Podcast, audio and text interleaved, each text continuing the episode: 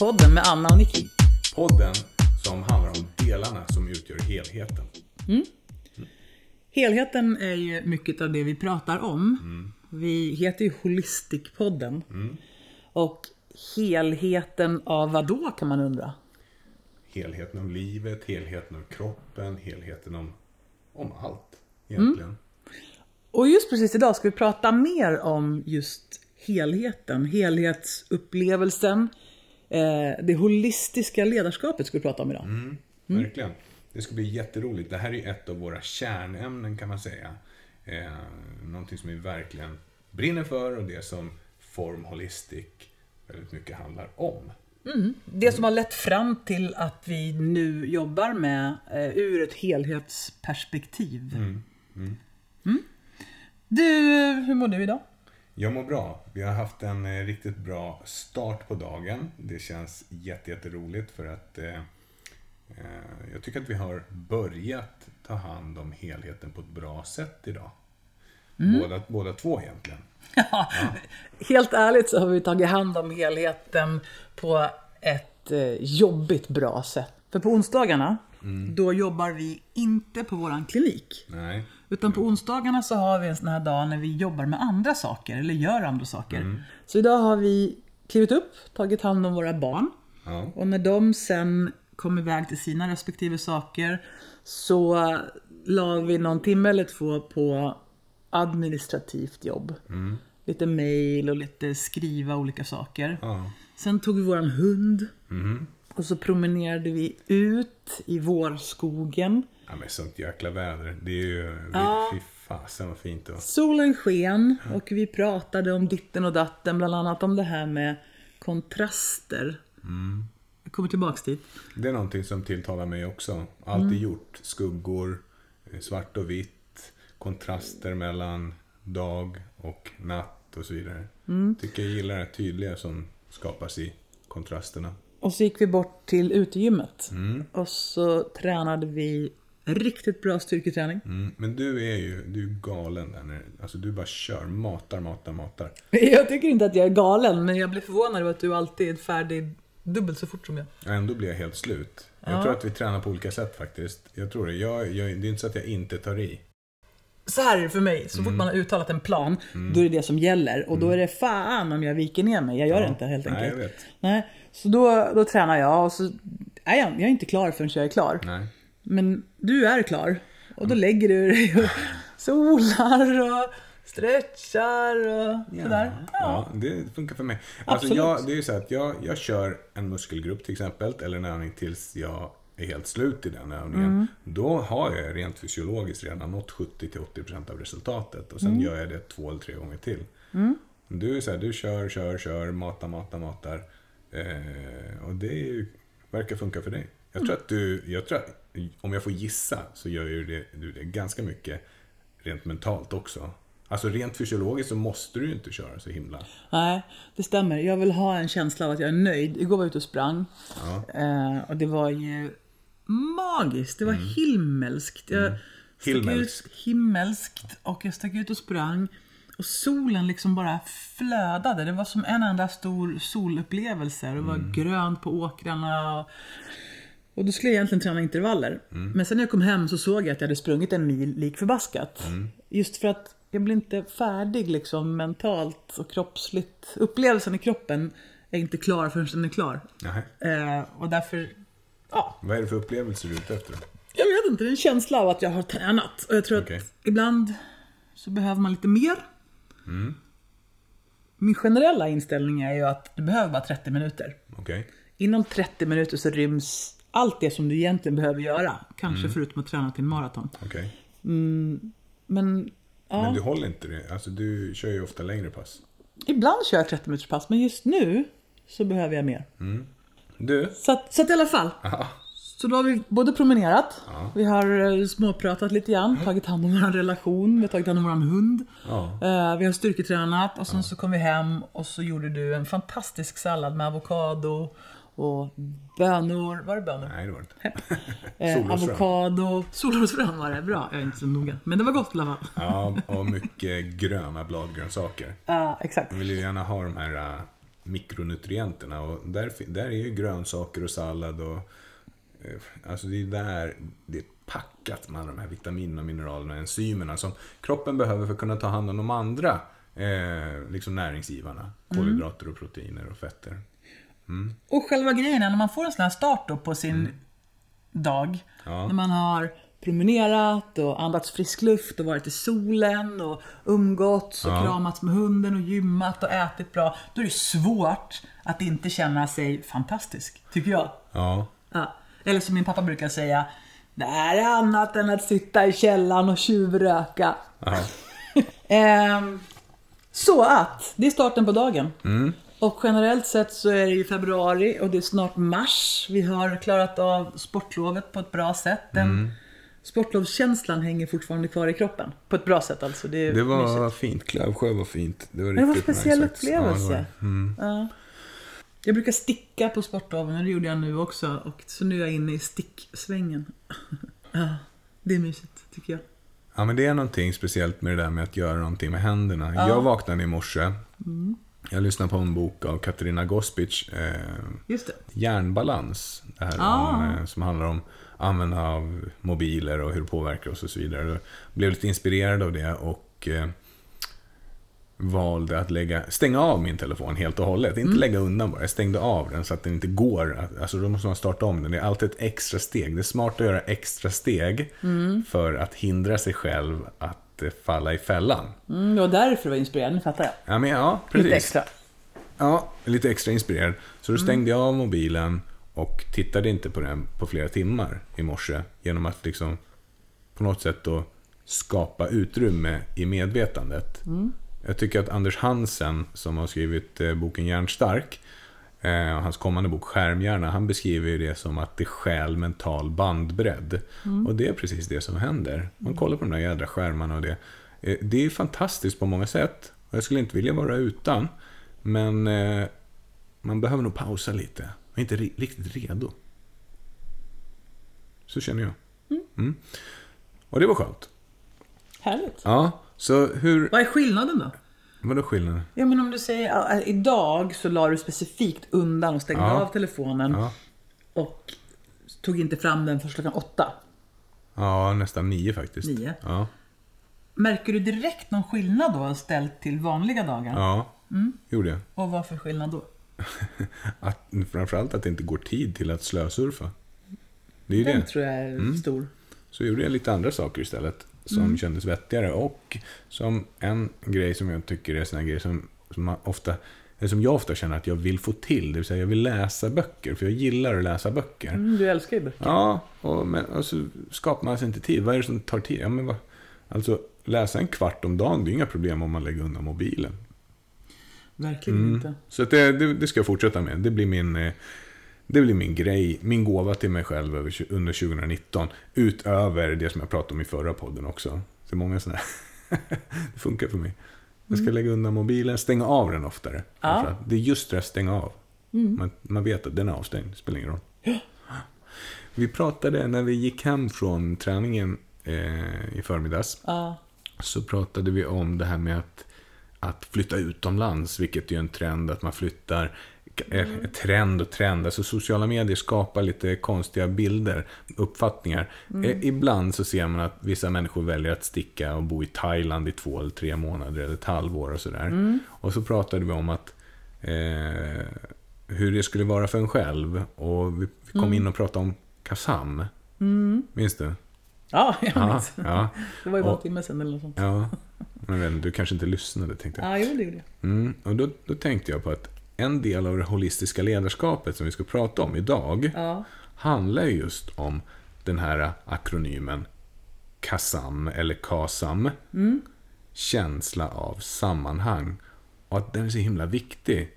Att bo på ett lyxhotell, få allting serverat och ha eh, maids och eh, betjänter och, och så vidare. Så, lik förbaskat så kanske man inte känner sig lycklig sen. Därför att känslan av sammanhang försvinner. Och det tror jag är jätteviktigt. Så det, det kommer vi prata om lite grann idag. Ja, men vi gled in på det här med kontraster. Mm. Och jag tänkte på igår att det här med kontraster är någonting som jag verkligen tycker om. Ja. Eh, igår var jag som sagt var ute och sprang. Mm. Och det var ju...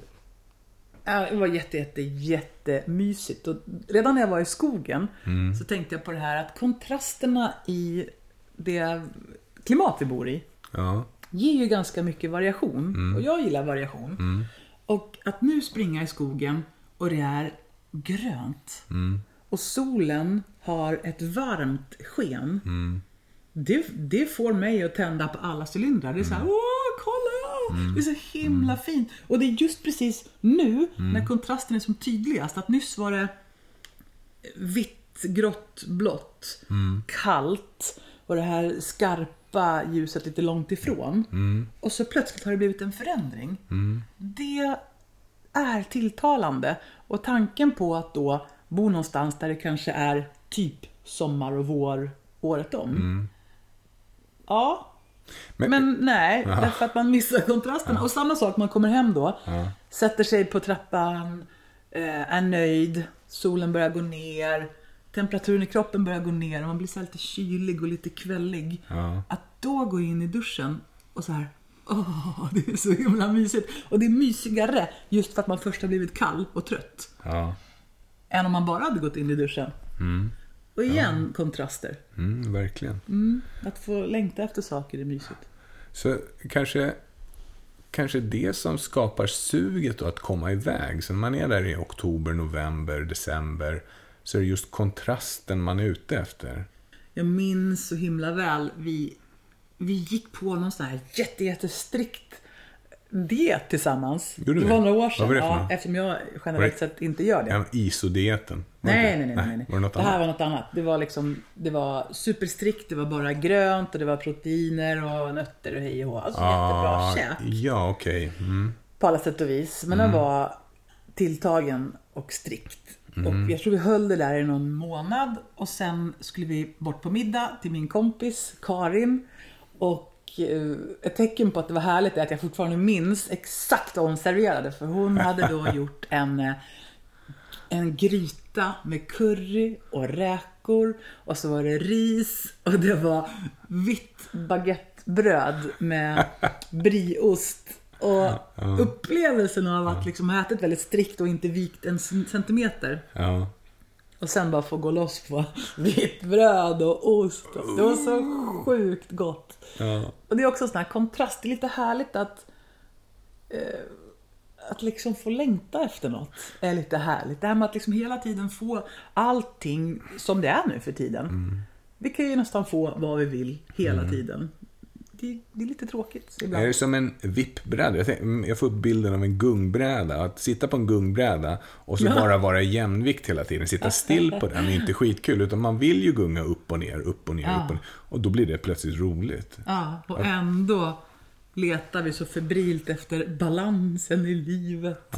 Men tänk om balansen handlar om att gå lite hit och dit och fram och tillbaks och ner i diket ibland och så ner på andra sidan Ja. i diket. Eller jag, ibland. jag tänker att, att man får de här två vågskålarna i pendling. Liksom. Att, att det, det, för det handlar om balans men samtidigt rörelse. För rörelse skapar aktivitet och energi. Men att bara vara jämvikt hela tiden, det blir liksom helt stilla. Dötråkigt. Ja, och, men, men att balansera upp det och inte vara rädd för dynamiken i det. Balans måste inte betyda stillhet. Nej, det hoppas man inte. Nej. Du, Mm. Vi ska prata om holistiskt ledarskap. Mm. Och varför är det intressant för alla? Ja, jag, jag tycker innebörden är så himla fantastisk. Jag tycker att det är grymt. Holism står ju för, eh, alltså det är ett filosofiskt betraktelsesätt som handlar om att helheten är större än summan av delarna och att ingenting kan beskrivas enskilt utan kontext, brukar man säga. Det vill säga att det, var, varje del för sig är viktig, men tillsammans skapar de en ännu större helhet. Det är som att man lägger ett pussel och när man sedan har lagt alla delarna så är det inte bara så att delarna är på plats utan plötsligt så blir det en större mening av allting. Ja, men exakt. grejer. Verkligen. Och ledarskap, ja det är ju precis som vi pratade om vid självledarskapet där. Det är ju det är ett synsätt som man när man pratar om organisation och så, men ledarskap har ju alltid existerat. Alltså det, det har ju funnits sedan vi var grottmänniskor. Det är ett organisatoriskt synsätt eh, där man beskriver ett speciellt beteende som används i avsikt att påverka andras tänkande och inställning och uppförande.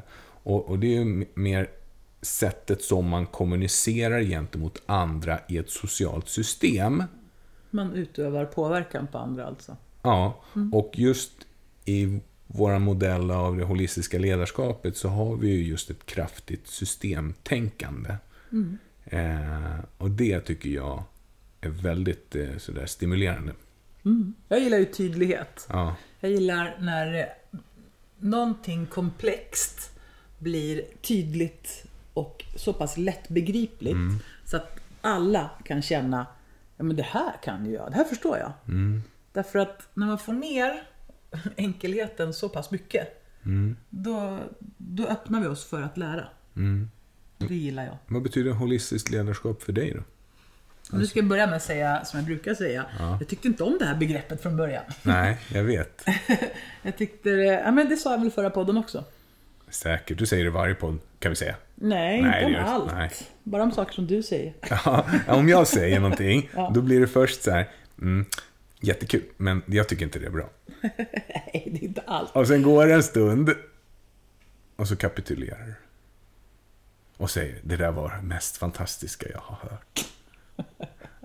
Ja, i alla fall. Ja. Eh, nej, men jag tyckte, jag tyckte inte att begreppet var sådär tydligt och enkelt som jag gillar. Kan du... Utan det lät som...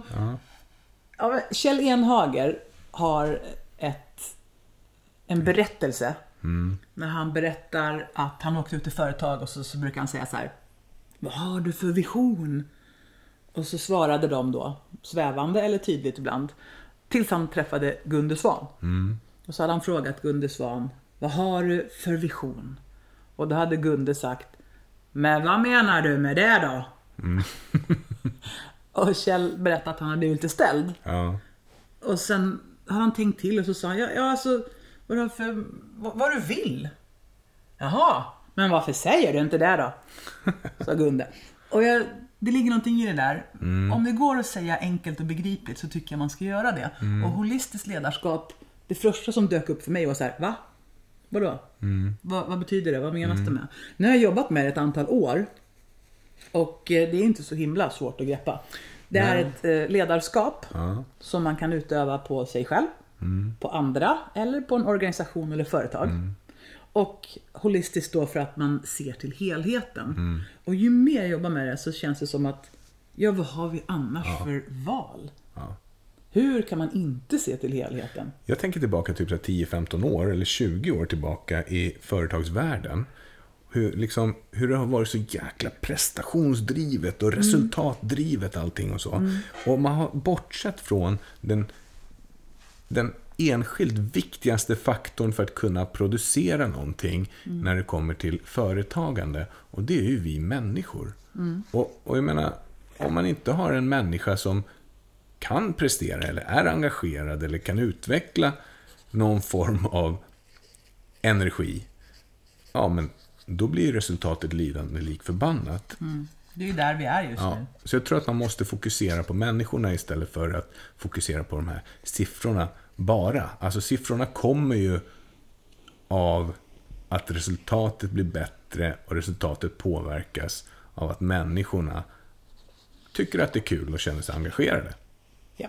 Ja, Så idag ska vi prata om holistiskt ledarskap och eh, om, om vi gör det då, vad, vad tänker vi att det ska leda till? Då tänker eh, jag att det ska leda till att eh, lyssnarna får med sig en modell av eh, hur de kan tänka kring sig själva, kring organisationer, kring team, kring, kring allt egentligen. Och att de kan applicera den här modellen på ett bra sätt i sitt egna liv. Vi, vi jobbar ju med Form Holistics modell av det holistiska ledarskapet. Både på individnivå, även i coachande sammanhang, på vd-coachning eller medarbetarcoachning eller på grupp och organisationsnivå. Och det funkar ju jättebra. Och då gör ju vi en så kallad holistisk 360-analys. För att liksom titta på vad är det någonstans vi måste gå in och göra jobbet. Och det tänker jag att lyssnarna ska få med sig en liten känsla av att de kan göra själva. Mm. Vad brukar folk säga när vi gör en sån här uh, screening? De brukar säga att eh, wow, otroligt, tänk att det kan vara eh, så tydligt. Så frågor som vi kommer ta upp idag är bland annat då, vad är det för någonting? Mm. Vad händer om det inte funkar? Vilka fallgropar finns det? Eh, hur kan man göra om man vill eh, jobba lite mer holistiskt med sig själv eller sin organisation eller sitt ledarskap? Och vad ska man tänka på? Ja. Det är två fluffiga begrepp egentligen och det är nog det som kanske ställer till det i huvudet på en. Men vi ska försöka göra det mer konkret med Det dagens avsnitt. Yay! Yahoo! Nu kör vi! Eller hur? Grymt! Så vad har du att berätta om det holistiska ledarskapet? Jo, jag tänker så här. I min process att begripa och greppa det här eh, uttrycket, holistiskt ledarskap. Jag menar, vi har ju jobbat nu i nästan 25 år med människor, både i privata möten och även i grupper. Och vi har, ja, Det är egentligen helt fantastiskt. Det var fort tiden går. Ja, det är det värsta. och dragit massa slutsatser. ja, kring att allt hänger samman. Det är väldigt, väldigt svårt att säga att det är bara en sak som är påverkad. ja, Utan det är en helhet. Ja. Det finns ett body-mind connection. Och det här har ju växt sig fram och i och med att det har växt sig fram så har vi också lagt på utbildningar och kommit fram till att bli holistiska terapeuter. Och då när jag försökt förklara det här för mig själv, varför, varför är det så här? Varför behövs det? Då kom det upp ganska många punkter. Och den första, det är den här med att vi har aldrig tidigare i utvecklingen haft det bättre. nej, Ändå sägs det att vi mår sämre än någonsin. Det är ett sånt deppigt uttryck så det finns inte. Och jag får en känsla av att lösningarna på det här problemet, de är egentligen så enkla att vi skulle kunna be en förskoleklassare att lösa dem åt oss. Och- Så det, det är en grej. Eh, en annan sak är ju att arbetslivet nu för tiden ser inte ut som det gjorde för ett antal 10, 20, 30, 40, 50 år sedan. nej. Hur tänker du då? Jo, jag tänker så här att på sistone så har man ju fått slimma företag och organisationer ganska ordentligt. Mm. Man har minskat ner på anställda, personal och framförallt så har det försvunnit ganska många chefer och mellanchefer. Så att det egna ansvaret på individen har blivit större. Och samtidigt så har vi tillgång till att arbeta jämt. Dygnet runt, alla dagar, alla tider. På vissa företag och organisationer så räknar man med att ja, men då hörs vi ikväll då. Det vill säga när man har gått hem från jobbet, då ska man lik förbaskat sitta i någon sorts konferens med sin chef på sin laptop. Samtidigt som barnen behöver uppmärksamhet eller samtidigt som man egentligen skulle ha gått och tränat eller bara varvat ner. Det vill säga ansvaret på individen är mycket, mycket större. Och samtidigt har vi inte utbildat människor i hur man sköter det här ledarskapet. Nej. Så där är en jättestor orsak till varför jag tror att folk mår sämre överlag. Sen är det så här, vi är skapta för att röra på oss. Men vi har utvecklat våran värld så att vi inte behöver röra på oss särskilt mycket. Ja, det är ju det är ju hemskt. Om man tittar på vårat, eh, om vi bara tittar på våran kropp.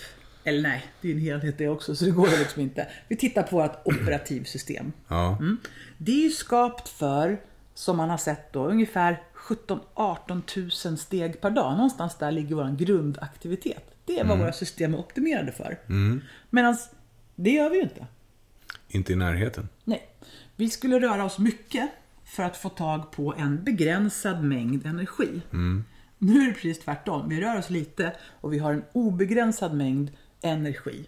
Energi är inte samma sak som näring utan energi är då kalorier. Vi kan äta massor av tomma kalorier. Det är bara att gå in på vilken plats som helst så får vi tag på det billigt. Så vi får våra system att må dåligt. Och där behöver vi ett ledarskap.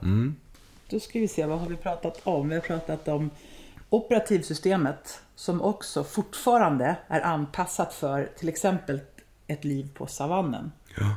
Därför att vår hjärna är fortfarande anlagd så att den är skapt för att få oss att överleva. Och den har inte hunnit anpassa sig efter att vi lever i en tid där det i våran del av världen inte finns så mycket hot och faror egentligen. Vi har extremt tryggt och bra. Ja. Men vår hjärna är fortfarande anlagd så att den letar efter hot, faror, problem, katastrofer, saker som kan gå fel. Ja. Och då börjar vi hitta de här sakerna i meningslösa saker som inte alls är hotfullt. Eh, hot på sociala medier. FOMO, fear of missing out. Det är inget hot på riktigt men folk kan ju bli tokstressade av det. Jo, men det, det, är, nej, det är, det är inget hot på riktigt, men det är ett socialt hot som finns. Jo jag vet men Alltså- vi kommer inte dö av det. Nej, Nej. men hjärnan uppfattar det som, som smärta. ja, Och det är ju precis. det som är liksom... Din, ja, det är det som är det problematiska. Ja. Så, ja, det här med att, att vi har samma operativsystem som för 40 000 år sedan, det Mm. tycker jag är himla, himla stimulerande. Och att det är att hjärnan är fem gånger så bra på att se de här hoten och problemen än lösningarna. Mm. Eh, vad, ja, jag tänkte, Sen är det också så här att det är någon som har suttit och kollat på hur mycket information tar vi in i våra system. Och då har man en lite sån här rolig jämförelse att en nutidsmänniska tar in lika mycket input och information på en dag ja, som en människa kanske tog in på ett helt liv för några hundra år sedan. ja, Vi har en massiv mängd information som trycker in i vårt system varje sekund. Och det sägs också att vi tar in 11 miljoner bits information per sekund. Men rent krasst kan vi bara varsebli ungefär 40. 40 Ja. av dem. Det är vad vi lägger märke till att vi tar in. Ja. Allt annat går in ändå så att säga, fast i vårt undermedvetna. Under det vi varse blir. Och någonstans tar det i vägen. Allt det här ska vi dela med. Och dessutom så, titta var som helst. Hur ser folk ut när de sitter på restaurang, när de sitter på tåget, när de står och väntar på tåget. När... Alla tittar på sin skärm hela tiden, Ja. Det oavbrutet. är galet nästan. Det vill säga, de här pauserna som man fick förr i tiden. Till exempel när man väntade på tåget och faktiskt inte hade någonting att göra utan kanske bara stod och andades en stund. Vad gjorde man då? Stod Ja, man vad gjorde man? Man kanske lät hjärnan vila eller bara dagdrömde. Och det man har sett som mindfulness är ju så läkande, Mm. har man sagt. För systemet och för hjärnan och för själen. Mm. Och definitionen på mindfulness är ju att vara i görandet. Det vill säga, om du står och diskar och Mm. bara noterar vilken temperatur jag känner? Mm. Hur känns de sakerna jag tar i? Luktar det någonting? Mm. Hur känns vattnet mot min hud? någonting? Exakt. Att vara i det man Mm. gör. Och förr i tiden, inte för så länge sedan, så var ju världen fylld av såna här saker. Mm. Man, eh, när jag var liten så lagade man kläder.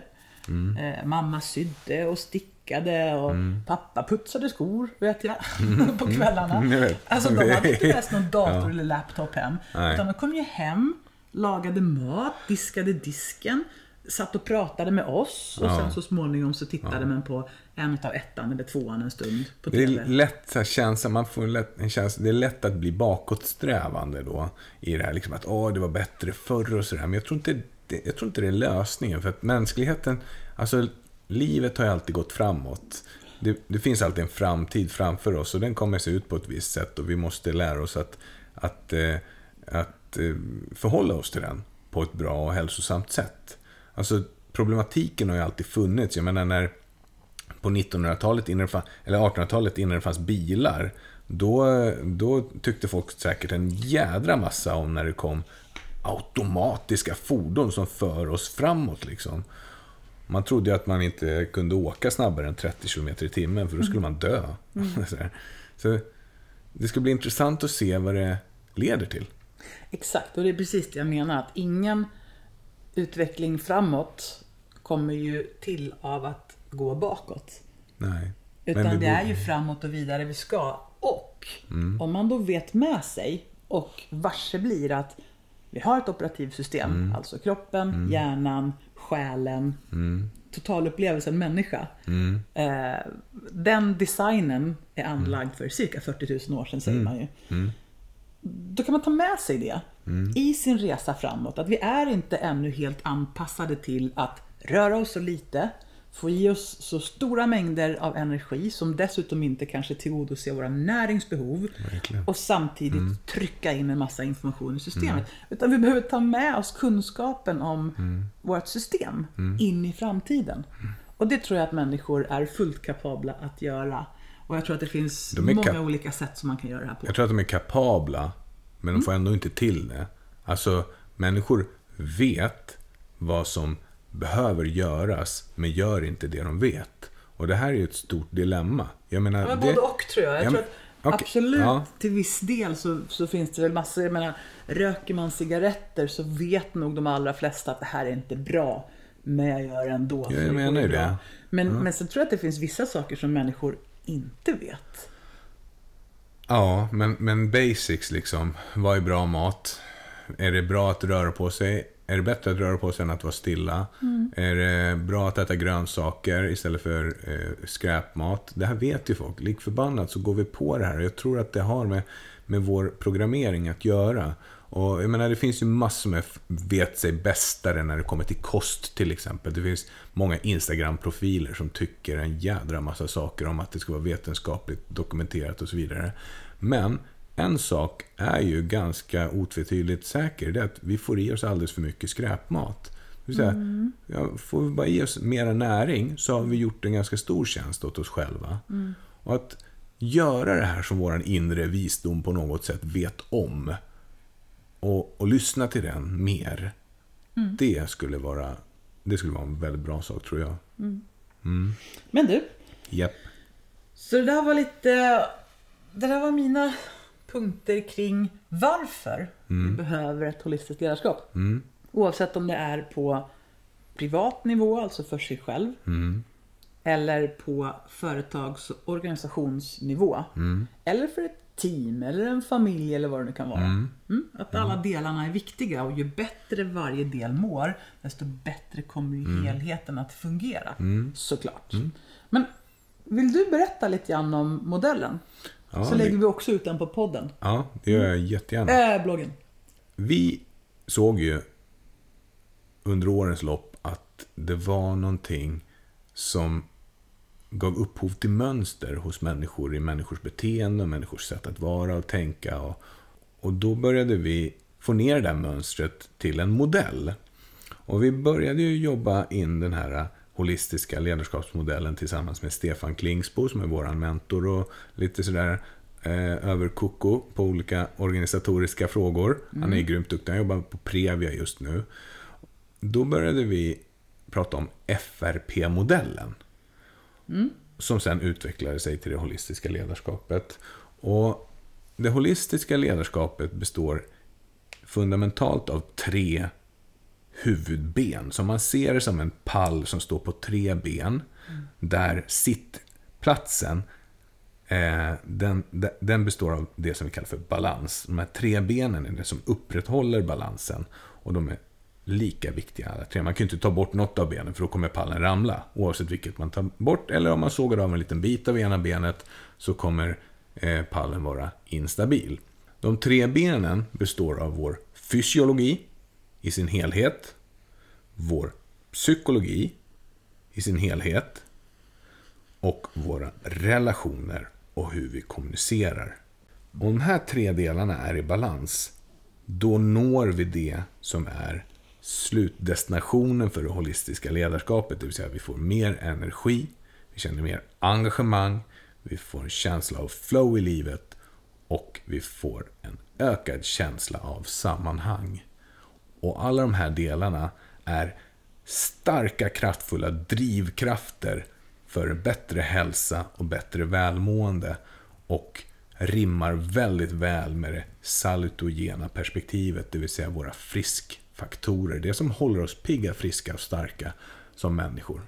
För att det är ju så här att de allra, allra flesta människorna lever ju friska 98% av livet. Alltså, vi motar Olle i grind. Vi motar sjukdomar. Vi, vi blir inte sjuka hela tiden. Utan vi har ett immunförsvar. Vår kropp är ju självläkande. Ja. Det är så magiskt så det är inte klokt åt det. Om vi blir sjuka så finns det inte bara ett system utan ganska många system som kommer att träda i kraft för att läka oss. Det sägs att vi allihopa har tumörer titt som tätt. Men det tar kroppen hand om. Det är ju det T-cellerna är till för. Liksom. Mm, exakt. Om vi skär oss, om vi får in bakterier i kroppen, ja men då startar kroppen en process som ser till att döda bakterierna och läka ihop huden så att det knappt syns efteråt. Och om vi skapar så goda förutsättningar som möjligt för det här systemet att funka, då är det så att du är placebot. Alltså det är du som är din självläkande kraft. Vi är skapta även för det. Ja. Så det är superhäftigt och ja, precis som du säger, optimera möjligheterna för att må så bra som möjligt. Det är vad det handlar om. Så ur ett helhetsperspektiv, om man liksom zoomar ut, då ser man de här tre huvudbenen. Det vill säga vårt fysiologiska ledarskap, vårt psykologiska ledarskap och vårt relationella ledarskap. Så om det där var en klocka, då skulle de få 20 minuter var. Ja, precis. Mm. Och den här klockan då, eller den här tårtan som bildas, den består i sin del av nio stycken tårtbitar. Där varje fält har tre tårtbitar vardera. Så då består ju varje 20 minuter av, ja, det blev knepigt då, plötsligt då, att dela upp det i tre delar. Men, så här är det. Så relationer, våra relationella ledarskap består av relationen till jaget. Eller hur? Och sen är det relationen till viet, det vill säga våra nära och kära. Och sen är det relationen till niet, det vill säga de andra som du relaterar till. Det kan vara arbetskollegor, det kan vara eh, människor på stan, det kan vara de du liksom de människor du interagerar med dagligdags eller liksom lite då och då. Eh, de här bildar ju helheten i våra relationer och hur vi kommunicerar däremellan. Och det är det som är Och så där himla viktigt. kommunikationen är så himla viktigt. Ja, men den är, väl, den är väl liksom fundamental när det kommer till relationer. Fundamental är bra att säga. Ja. Vi, har ju, vi står ju på en ganska stadig grund av NLP. Ja, Neurolingvistik kallas det för.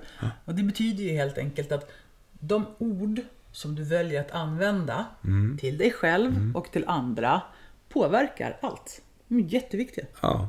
Inte minst till relationen till oss själva. Alltså relationen till jaget. Hur pratar du till dig själv? Hur, hur kommunicerar du? Hur beter du dig? Vad har du för hållning? Och så vidare. Där kan vi dra lite exempel så småningom också på, på hur det kan vara i praktiken. Och sen relationen till viet, alltså våra nära och kära. Menar, och då tänker man så här att om relationen till mig själv är eh, i obalans, då kommer det att påverka relationen till mina nära och kära. Och så som jag relaterar till viet, så kommer jag också relatera till niet. Till alla andra människor som jag träffar. Det kommer att påverka varandra. Eller om man har eh, till exempel att du har trassel i viet, så kommer det påverka de två andra. Det kommer påverka din relation till dig själv och relationen till andra människor. Så allting hänger ihop. Precis, att om, man, så om, man, om man skulle vara ute och handla och få ett dåligt bemötande någonstans ute på stan. Eh, då kanske man bryr sig lite grann. Då kanske man kommer hem till sin fina familj och är lite störd sådär på dåligt humör. Absolut. Kliver innanför dörren liksom och har lite kortare stubin. Såklart. Eller, eller så är det så att man struntar fullständigt i det. Därför att det är trots allt inte så viktigt. Men om du till exempel då har haft eh, har något gnissel i din relation till din partner. Eller dina barn eller andra som du bryr dig väldigt, väldigt mycket om. Då kommer ju det att utöva en påverkan när du till exempel går till jobbet. Eller när du går till ditt kompisgäng. Så att alla våra relationer påverkar oss mer eller mindre. Och det påverkar våran helhet. Ja. Tveklöst. Så nästa tårtbit då, det är ju våra psykologiska ledarskap, vår Yes. psykologi. Och den består av tre delar. Det är våra tankar, våra känslor och våra beteenden. Och när det kommer till våra tankar så är det ju så här, de tankar du tänker för att tänka de tankar du behöver tänka för att nå dit du vill, de är ju av yttersta vikt. Jag menar, det är någon som har räknat ut att vi tänker, ja, det är lite olika siffror, men någon som har sagt att 65 000 tankar om dagen. Jag ligger nog närmare 90. 90 000 tankar. Mm. Ja. Eh, Men du kanske ligger närmare 50? Miljoner tankar.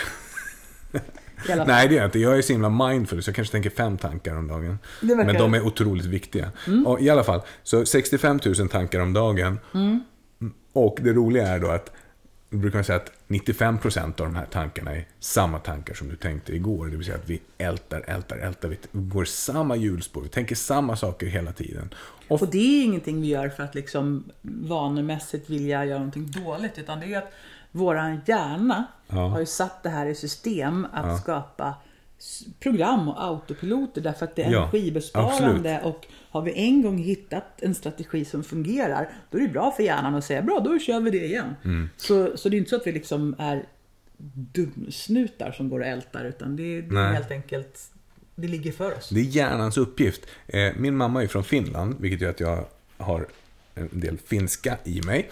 Och där, där är ett roligt begrepp, för att dator på svenska, det, det är en, en dator och det är samma som computer på engelska. Men på finska så heter det tietokone, det vill säga tankemaskin. Och det är precis vad datorn är. Den är ju en maskin som genererar tankar hela tiden. Det är någon form av relästation och de här tankarna de bara kommer och kommer och kommer och kommer. Men de består ju av ingenting. Alltså en tanke är ju bara en tanke. Det, det, de existerar ju inte. Men när man väl kommer på att du är dina tankars arkitekt. Det är du som skapar dina tankar ur ditt medvetande. Då kan man också börja bryta dem. Och där jobbar ju vi med olika strategier för att skapa de här brytlägena. För liksom komma ur gamla tankevurpor och tankemönster. Eh, och så. Man har ju kommit ganska långt om man bara kan förstå att tankar kommer, men det är inte säkert att de är sanningen. Nej, alltså det går inte riktigt att fånga en tanke och måla den röd. Så här, liksom, den, de finns ju inte. Eller? Ja, jag vet inte. Nej, men gör de det? Ja, det tycker jag. Tycker du det? Ja. Ja, jag har aldrig hållit i en tanke. Nej, men de finns för det. Ja, det gör de. Och de påverkar nästa steg, det vill säga våra känslor. Så här, en tanke skapar någon form av respons i vår fysiologiska varelse som börjar sekretera ut signalsubstanser och hormoner och ämnen som skapar en känsloreaktion i vår kropp. Man brukar säga att känslor är tröga. Tankar är snabba, känslor är tröga. Och en tanke kommer snabbt och sen kommer en känsla och man liksom kan känna hur den här ökar, ökar, ökar, ökar. Och ibland så kan man behöva stanna kvar i de här känslorna med vetskapen om att de kommer också att minska. Och det här tycker jag är häftigt. Det är rätt så häftigt när man tänker på fysiologin. Att eh, vi har ju vissa saker som är nervburna. Eh, om du ser någonting så går det via synintryck blixtsnabbt till hjärnan och du kan få en respons. Till exempel om man ser en orm eller om man ser en björn eller en tiger. Då kommer vi blixtsnabbt att få en reaktion. Det här är förmedlat via nerverna. De känslor som sen kommer är oftast hormoninducerade. Det vill säga hjärnan måste få en signal som sen ska leda till en utsöndring av hormoner via lokaliserade platser ute i kroppen, ut i blodsystemet som sen ska nå någonstans. Så det är inte så konstigt att de är lite långsammare då, Nej. känslorna. Ja, precis. Och då tycker man så ah, vad, hur, kommer, hur kommer det sig att jag känner så här nu? Ja, men då var det någon tanke som dök upp. Det kan vara för en stund sedan. Som skapade den här responsen i kroppen.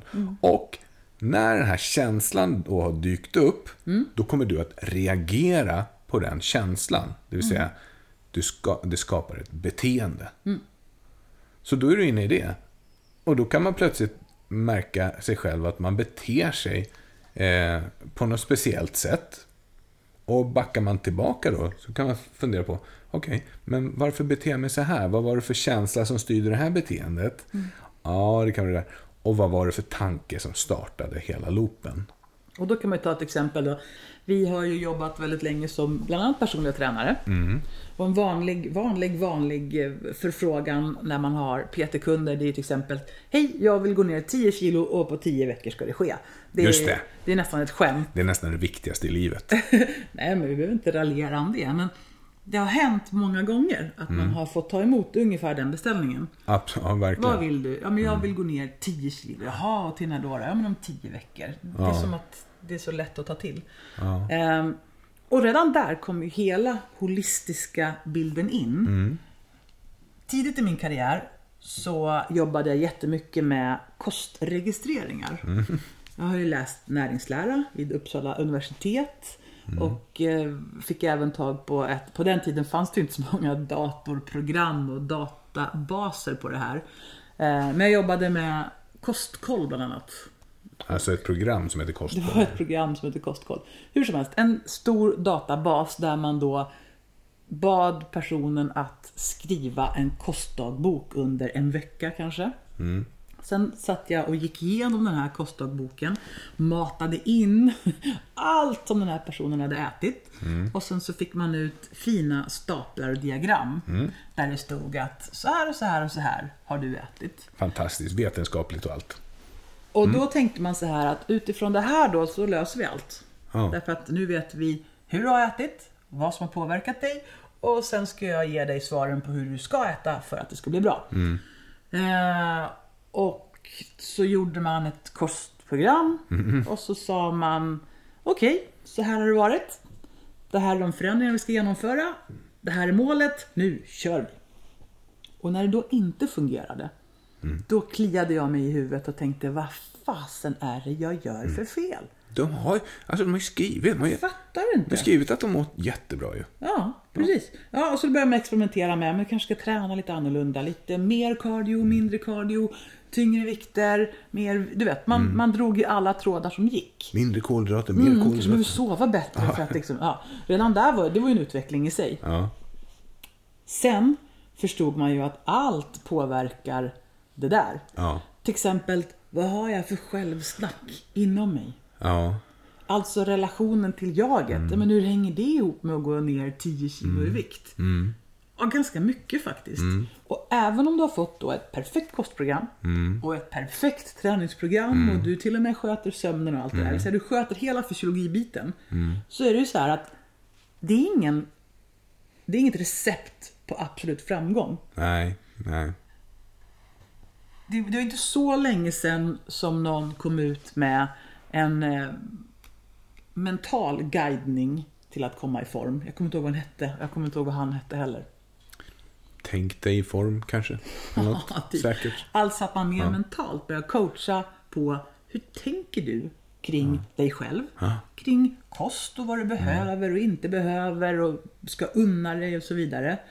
Och att tänket som leder till känslor är minst lika viktigt som själva maten som vi fokuserar på. Och då kommer vi in på det som du pratar om. Ja. Väldigt få människor som säger så här, va? Ska jag inte äta chips och dricka cola? Nej, och gå ner i konstigt. vikt. Ja. Utan de flesta vet ju att nej, men det är ingen höjdare. Nej. Men hur kommer vi fram till en sund kosthållning utan att gå på diet eller knyta näven i fickan? Och då tror jag att man behöver gå in på tänket. Mm, Till exempel. Som leder till vissa känslor.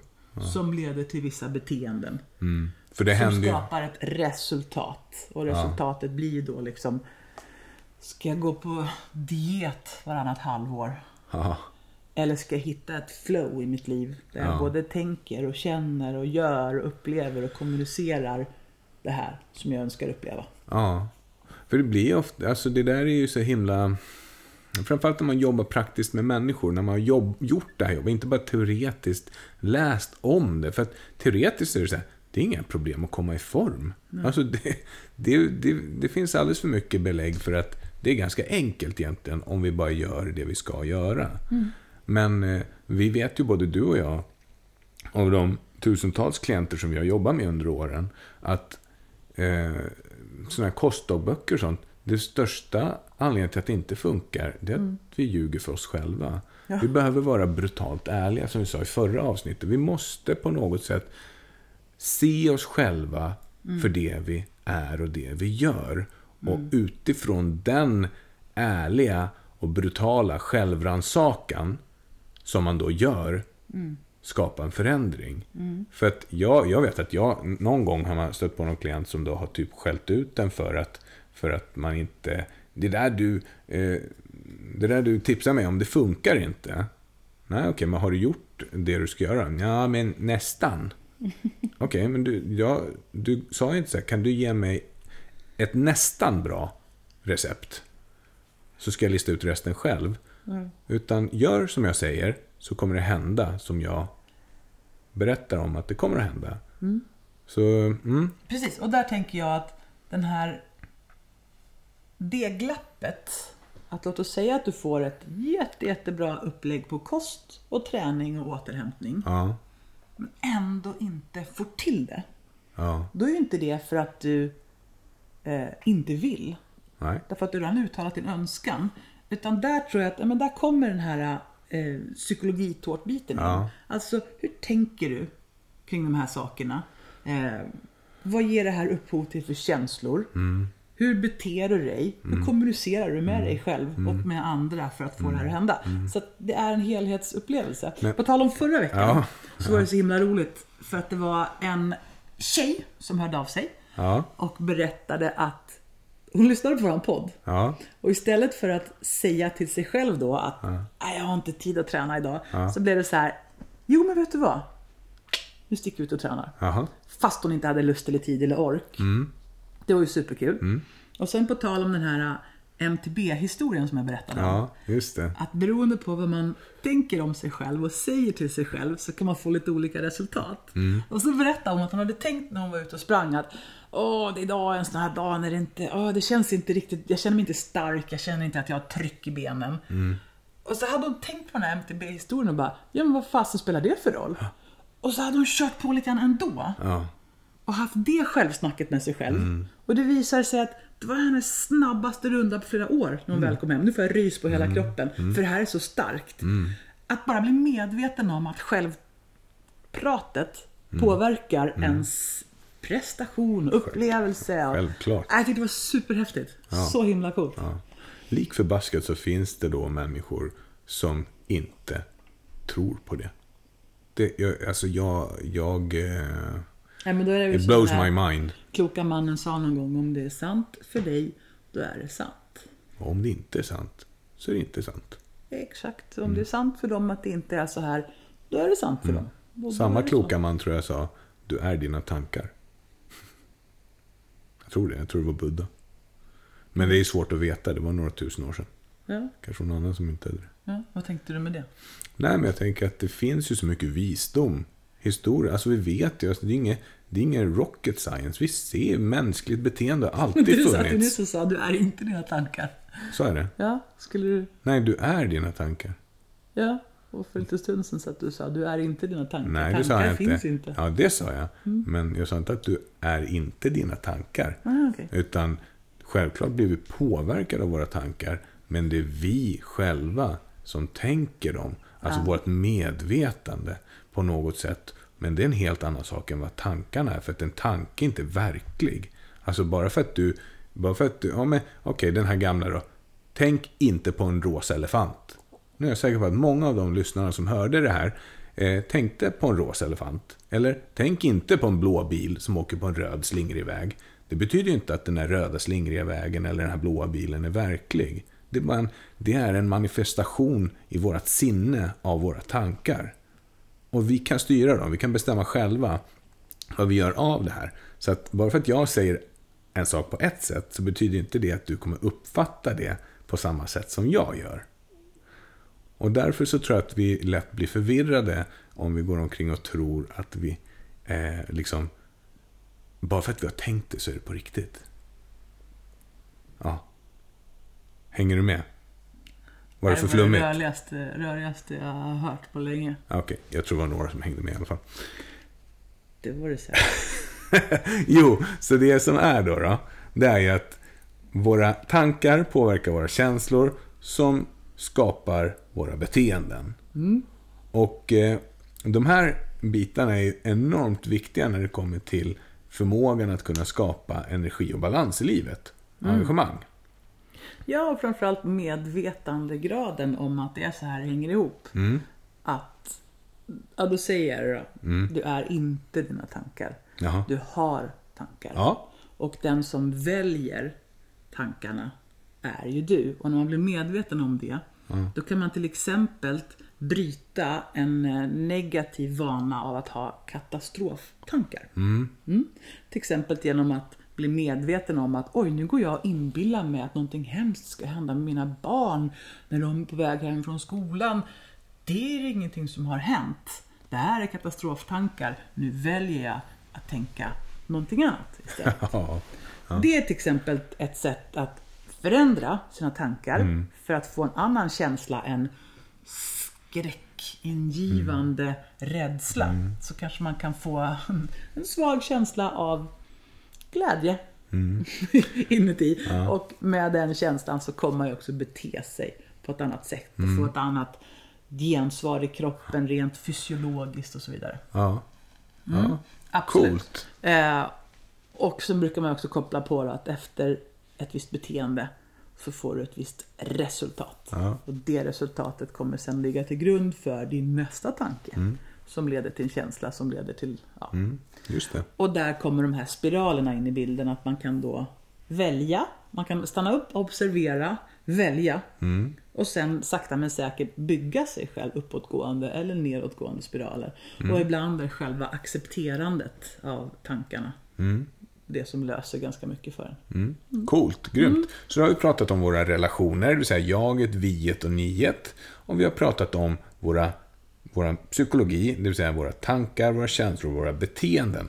Så kommer vi in på den tredje tårtbiten, som ju ligger oss väldigt nära om hjärtat, som vi också oftast brukar börja med.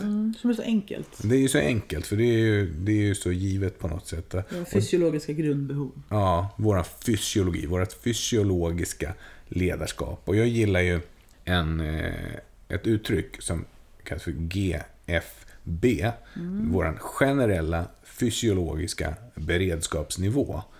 Och där talar då om var befinner du dig rent fysiologiskt eh, ur ett prestationsperspektiv. Det vill säga, hur pass väl förberedd är du i din kropp och din skapelse? Kan du på studs springa ner till ICA en kilometer bort för att det var bråttom? Eller måste du ta bussen för att du orkar inte gå längre än 30 meter? Ja, jag generaliserar. Men eh, eh, så vi har då tre delar i vår fysiologi, det vill säga våran fysiska aktivitetsnivå, fysiologisk aktiveringsnivå. Vi har näringsintag. Alltså hur mycket näring får vi i oss? Inte energi.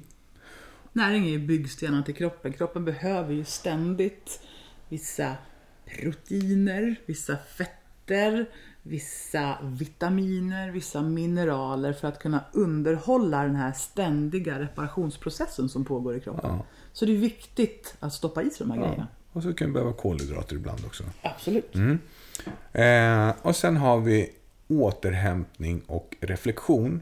Och där tar vi med sömnen också som en viktig komponent. Men att bra, bara prata om sömn när man pratar om återhämtning, det är ju inte hela liksom sanningen.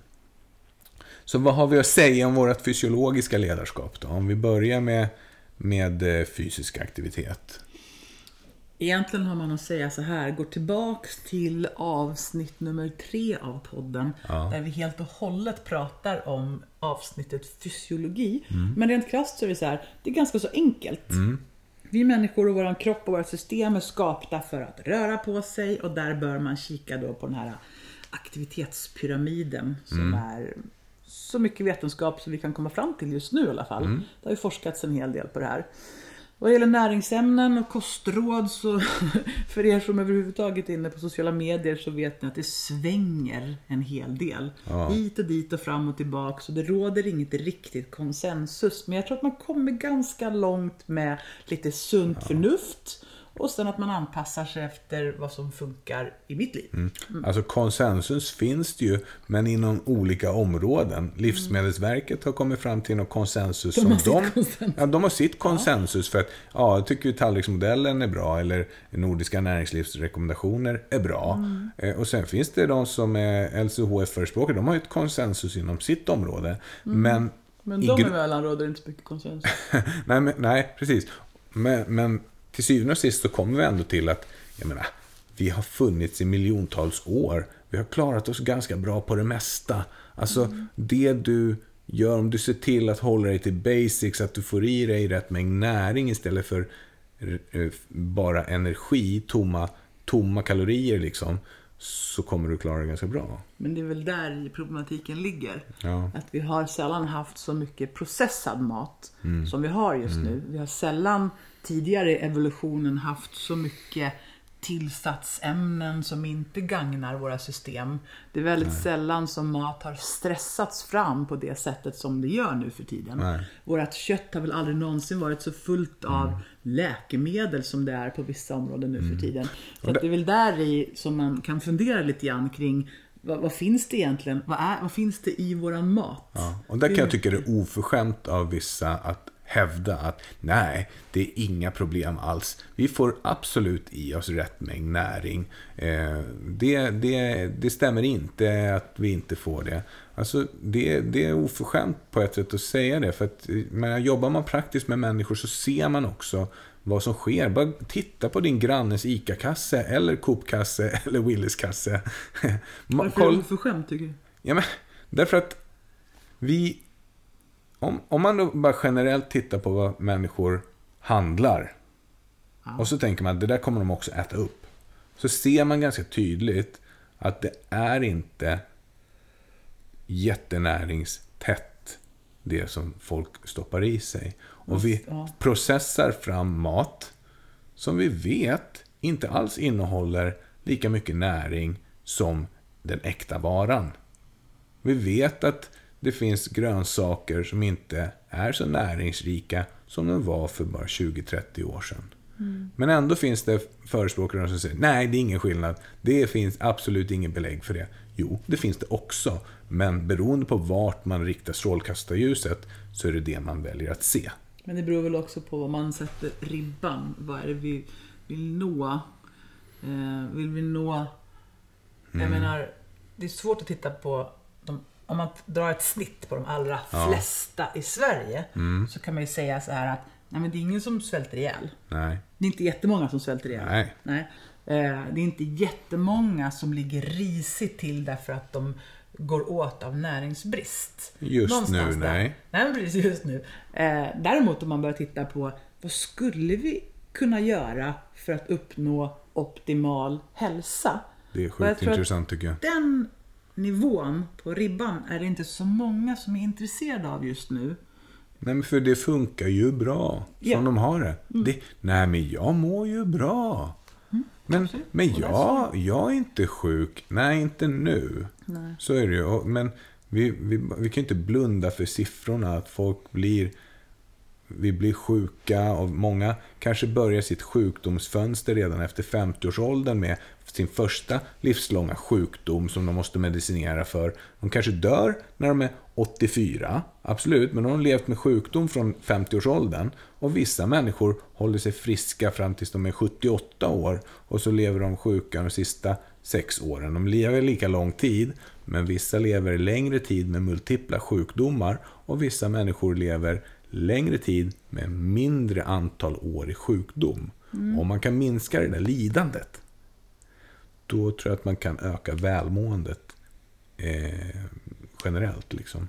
Och det glömde jag säga i början när jag listade upp de där sakerna på de här skälen till varför vi behöver ett holistiskt ledarskap. Ja. Och det är ju det här med att de allra flesta dödsfall Ja. som sker nu för tiden är livsstilsrelaterade. Det vill säga saker som vi faktiskt kan påverka. Och det här vet vi ju. Ja, vi, Jo, vi- vet det, men det kanske inte har gått ut tillräckligt mycket. Men på något sätt så är det så här. Vad är det här livsstilsrelaterade ohälsan? Vad är det för någonting? Mm. Jo, det är sånt som vi kan påverka själva genom att ta ett lite större ansvar för hur vi rör på oss, hur mycket, hur ofta och så vidare. Och vad vi stoppar i oss. Det är så enkelt. Det är så himla enkelt och dessutom, nej men okej, jag kan inte göra det här perfekt. Nej men gör lite grann då. Gör 10% bättre. Jag kan inte träna fem gånger i veckan så du struntar i det. Nej men träna en gång i veckan. Det är 100% mer än noll gånger i veckan. Det finns så mycket att göra och det finns så många nivåer på små förbättringar som man kan göra.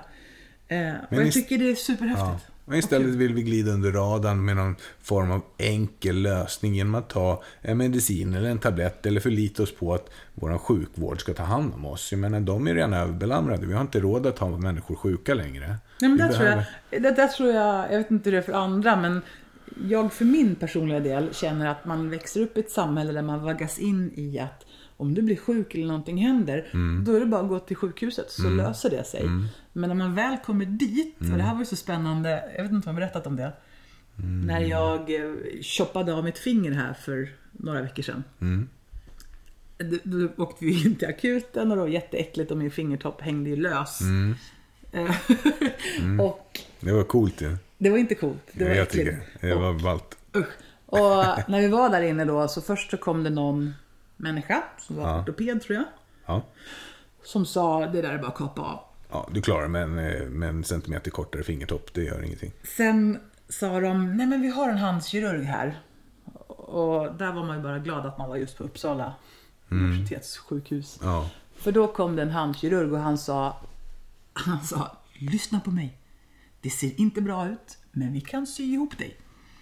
Och då gjorde de det. Började de pussla ihop mig där och superfint. Och då fick jag svara på en lång lista inför den här operationen. Därför att ska man just opereras, då måste ju vårdpersonalen veta lite saker om en. Och då var det en ganska lång lista som jag fick svara på. Som innefattade bland annat mina livsstilsvanor. Hur och på vilket sätt rör jag på mig? Hur och på vilket sätt äter jag? Eh, hur ser mina vanor ut kring tobak och alkohol? Och det där, då, då var det som att tiden stannade en stund och jag tänkte jäklar, det finns en tidpunkt när man ställs inför alla sina val i livet. Ja. Där man kanske inte, man kanske har kommit undan med att ja, men det går bra, det går bra, det går Mm, fint. Men den gången när man verkligen behöver hjälp, då står man där och förstår Verkligen, att ja. det här kan vården inte laga. Nej. Det här kan inte läkaren göra någonting åt utan om jag har eh, rökt i hela mitt liv och tänkt att det har gått bra hittills. Då får jag också ta 100% av ansvaret för det. Och det här önskar man ju att fler fick förstå med full kraft. Jag känner att jag fick en så här och ändå vet jag att jag har ju haft väldigt bra vanor genom livet men lik förbaskat. Är, Men rökning är ju ett sånt klockrent exempel. Man vet att Ja. rökning leder till ohälsa på ett kraftfullt sätt. En av våra Ja. största cancerogena risker, liksom Ja. riskfaktorer. Och, och lik förbannat då, till exempel, eh, ja, men vi, du kan ta min, min far som ett exempel, som har rökt liksom sedan han var jätteliten. Han, han växte upp under den tiden i kommunistiska Jugoslavien där rökning liksom var en naturlig del och framförallt så tyckte man att det är ingen fara. Liksom, röka spelar ingen roll och, Nej. och så här. Och, och, och fortsatte att röka och blir mer upplyst, vet om att det här är dåligt, det är skadligt, det kan orsaka cancer. Men fortsätter liksom ändå. Och det där, det intresserar mig. För vi har svaren och vi har lösningarna på problemet. Men eh, vi väljer att blunda för det. Ja, det, det, det är liksom ett kapitel för sig. Ja, våra behov. Nu, nu var det som vanligt så här att vi... Gled ut lite. Ja men det är spännande att prata om de här sakerna. Det är ju, Ja. det är ju typ det coolaste i hela livet att prata om våran kropp, våran själ, våran hjärna, vårt liv, våra förutsättningar. Det är ju det är superkul och spännande. Ja. Eh, det vi konstaterade när vi var ute och tränade i morse Mm. på förmiddagen. Det var att här går vi en vanlig arbetsdag och tränar. Mm. Typ som om att det inte är jobb. Och jag minns så väl någon gång när jag var ute och cyklade med våran guru Stefan som du nämnde. Han som är organisationskonsult Mm. Yoda. och coach och precis, han har jedi Vi ska powers. försöka få med honom in i podden. Det ska vi. Eller det hoppas jag i alla fall. Ja, ja. Eh, vi var ute och cyklade en hel dag, mountainbike. Mm. Vi tog en lång vända, vi cyklade igenom skogen hela vägen in till Stockholm. Och så sa jag till honom så här, tänk, tänk att man kan vara ledig en dag mitt i veckan så här och bara cykla. Mm. Och då sa han, nej men jag är inte ledig, jag jobbar. Nej men du skojar, sa jag. Nej, det här är förutsättningen för mig. Om jag ska kunna jobba effektivt och fokuserat, målmedvetet och kreativt, då behöver jag det här. Det är jätteviktigt att ta ansvar för. Mm. Jag tycker och det är helt där självklart. var så tankeväckande. Och då tänker man, tänk om helheten företaget, tänk om helheten organisationen kunde ta ansvar för eller skapa utrymme för ett holistiskt ledarskap. Det vill säga där man inte bara tittar på ekonomi, resultat, strategier, utan även skapar förutsättning för företagets viktigaste beståndsdelar, det vill säga varje individ, att må lite bättre eller mycket bättre. Imorgon har jag ett litet lunchseminarium om holistiskt ledarskap för något som heter Connection. Connection eh, för Uppsala Biotech. Det ska bli jättekul för då kommer jag få prata med folk som, som sitter i organisationer som, som verkligen kan dra nytta av det här. Men, men det, det jag undrar, varför är det så jäkla svårt att fatta? Alltså det är inte, det är inte så himla... Det är ingen risk i att låta folk få må bättre. Nej, men är inte det här ungefär som att man har gjort den här Bunkeflo-studien Ja, och sett att effekten på barn, ja, små barn, stora barn, är enorm om de får träna och röra på sig. Och då har man sett att om man skulle börja varje skoldag med att röra på sig så är inlärningseffekten ökar så enormt mycket. Det är så här, det är revolutionerande. Barnen mår bättre, de blir lugnare, de kan fokusera mycket, mycket bättre. Utan att de gjorde någon pedagogisk eh, vet det, Intervention. intervention. Exakt, man har bara lagt till rörelse. Ja. Och då när man är så här, tada, titta skolan vad vi har kommit fram till. Då de allra flesta som jag har pratat med säger så här, ja, men det går ju inte att göra sådär. Mm. Varför inte då? Nej men, eh, varifrån skulle vi ta den tiden? Ja. Och tanken som dyker upp inom mig är ju så här, ja, var som helst egentligen. därför att verkligen. om man ändå inte lär sig så mycket Mm. för att man inte har rört på sig. Då spelar det ingen roll att man sitter med på lektioner men inte liksom mår bra eller kan ta in det som sägs. Nej, alltså det är så mindblowing. Alltså Vi har jag alltså fakta och resultat, Ja. men vi tillämpar det inte hittills. Istället så har man fram till nu i alla fall dragit ner och dragit ner och dragit Mm. ner på idrott i skolan och sådana saker. Jag tror det är ett ytterligare exempel på Vipebystudien, tror jag det hette. Okej? Eh, Det var det här eh, där de eh, matade människor som, som satt på ja, någon form av mentalanstalter, mentalsjukhus. Eh, Finns ju inte längre. 50-tal, nej det finns inte, det heter inte så heller. Men, Nej. men i alla fall på 50-talet tror jag det var, så matade de dem med socker. Ja. Ja. Och så såg man att de fick karies, de fick hål i tänderna. Ja, fy fasen. Usch vad otäckt. Ja, det är sjukt Det här läskigt ju. Ja, och då, då så pratade jag med min tandläkare eh, eh, igår faktiskt om det här. Mm. Och så sa han så här, ja, och det där är rätt intressant. För människor som kommer från, från eh, centralafrikanska länder, Mm. eh, så kommer hit till Sverige. De kommer oftast hit och så har de inga hål alls. De har jättefina tänder. Mm. Inga hål någonstans överhuvudtaget. Men sen efter ett tag när de har varit här i Sverige ett tag och börjat exponeras för socker eh, och eh, stärkelserika livsmedel så börjar de få hål i tänderna. Det är också en sån grej. Vi vet att det är så här. Men så fortsätter vi göra samma skit ändå. Ja, det är ju helt otroligt. Men du, nu, vi går utanför ämnet igen. Vi pratade om vår fysiologi nu och vi blir så jäkla taggade känns det som när vi börjar prata om de här bitarna. Vi har pratat om vår fysiska aktivitetsnivå, att det är viktigt. Och eh, rörelse skapar ju energi. Alltså vi, får ju energi av att röra på oss. Det är inte så att vi då, så här, många gånger så kan det vara så att människor rör på sig kanske, sätter, promenerar 800 steg om dagen. Det är inte ovanligt. Man gör nästan ingenting, sitter stilla. Man vaknar på morgonen, kliver upp ur sin säng, går några steg till toaletten, gör sina morgonbestyr, går ner till kaffebryggan, sätter på kaffet, sätter sig och väntar på kaffet. Kaffe kommer, dricker kaffet, går ut till bilen, sätter sig i bilen, parkera så nära ingången som möjligt till jobbet, gå upp till jobbet, sitter still på jobbet hela dagen. Och sen så kommer man hem och känner sig helt slut och känner att åh, jag måste bara sätta mig ner i soffan och pusta ut lite grann. Mm. Och de har suttit en hel dag och det är inte det vi blir pigga av. Man blir ganska trött av det. Och när folk landar i soffan och ställer sig själv frågan Har jag energi att gå och träna? Då blir ju svaret oftast Nej. Som om ligga i soffan skulle ge mer energi. Men det är den tanken som kommer till många. Ja men det är det. Att, nej usch, jag har så himla låg energi så jag måste ligga här en stund Mm. tills jag får lite mer energi. Och det funkar ju aldrig. Däremot att röra på sig Mm. skapar ju omedelbart en förändring i ens upplevelse. Ja, man tänker att man ligger ner och sover och så kommer någon och bara rycker upp en och så börjar man springa. Det är svårt att somna om då, tror jag. Mitt i löpsteget alltså. Vad sa du nu? Du, ska, du, du ligger och sover och sen ska Om du... man ligger och sover och så kommer någon och rycker upp dig i sängen och börjar springa med dig. Då är det svårt att somna om igen. Eller hur? Alltså när vi är... Ibland är du... Har du de märkligaste tankarna. Tack. Ja, Jag trivs med det. ja jag Eh, förstår. Anyways, så är det ju så här att det är svårt att somna i löpsteget. Alltså det finns, det finns beskrivningar på ultralöpare Mm. som har lärt sig att sova eh, och vakna till när underlaget byter eh, heter det, när underlaget byts, det vill säga att de springer med båda fötterna till exempel, eller en fo- fot på asfalten, andra i gruset. Och sen när de båda hamnar i gruset eller på asfalt så vaknar de till. Det är helt galet ju. Men de flesta är ju inte ultradistanslöpare. Det låter inte så vilsamt. Nej, det gör det verkligen inte. Kanske relativt vilsamt. Ja, så det är vår fysiologi.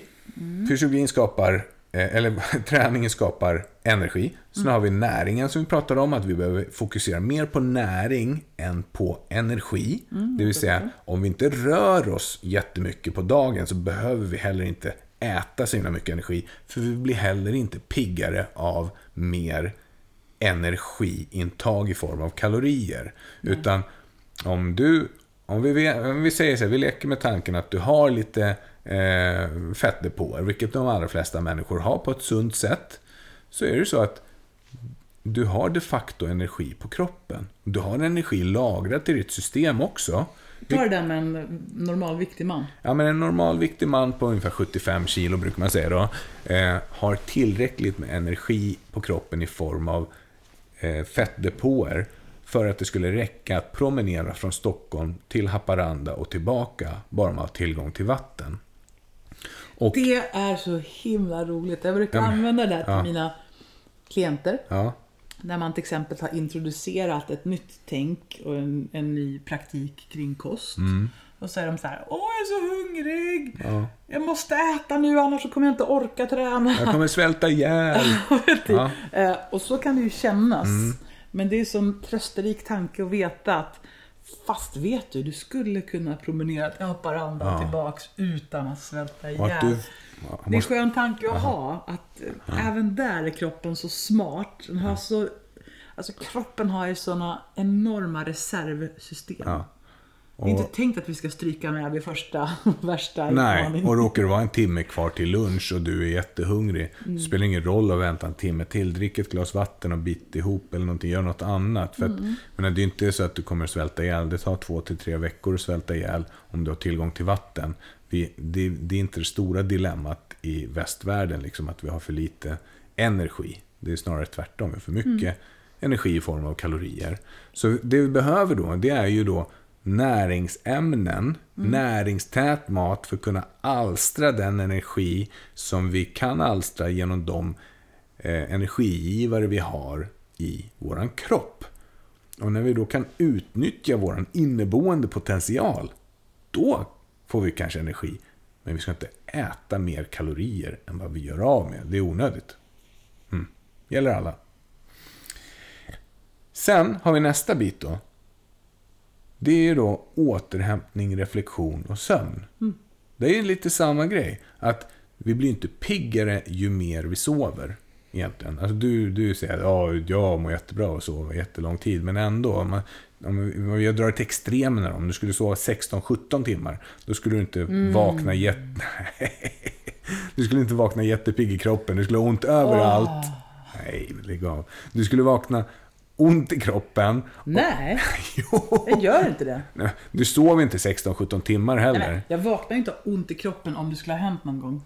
Jag vaknar och känner mig på nytt född. Ja, men okej.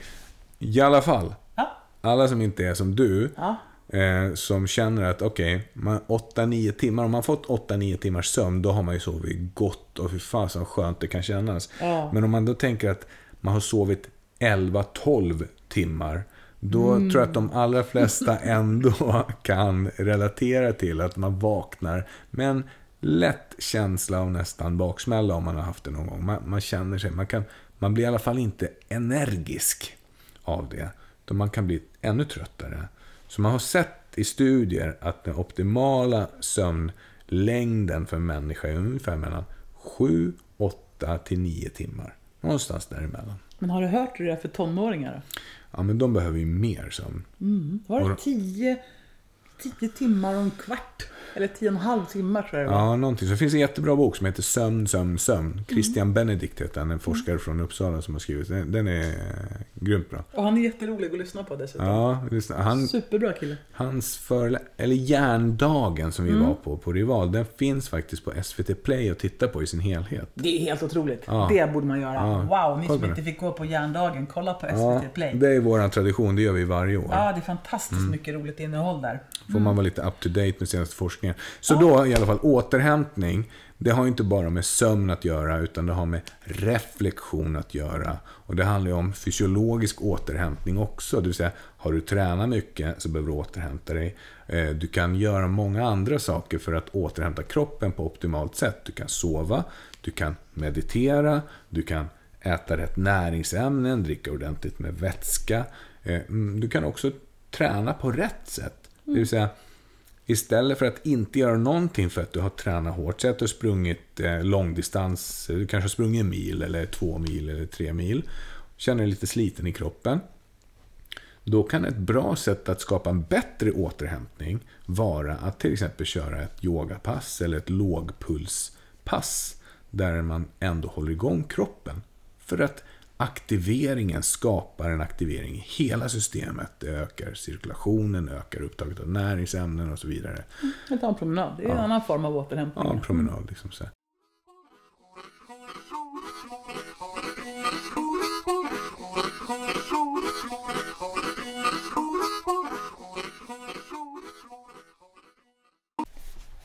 här. Är nio starka steg till mer energi i livet enligt den holistiska modellen. Mm. 1. Rör på dig varje dag minst 30 minuter. Precis, 30 minuter aktivitet per dag har visat sig stimulera frisättningen av massa bra eh, må bra-hormoner och ämnen i vår hjärna. Dessutom ökar cirkulationen med 20% i vår främre del av hjärnan. Vilket gör att vi får bättre, snabbare, skönare tankar. Och för att inte nämna alla effekter det har på kroppen såklart. Otroligt stora effekter har det. 2. Fokusera på 80% näringsrik, ren och näringstät mat. Njut fullt ut av de resterande 20 procenten. Precis, det här är 80-20-regeln. Och mycket av det vi anser som nyttigt har en hög näringstäthet. Så för att ge lite konkreta exempel är Livsmedelsverket, Eh, så listar Livsmedelsverket upp till exempel fisk, ägg, avokado, bär, rotfrukter, frukt och nötter som råvaror med hög näringstäthet. Bullar, kakor, godis och läsk är exempel på motsatsen, alltså mat som har låg näringstäthet. Detta är livsmedel som främst ger oss mycket energi utan mycket näring.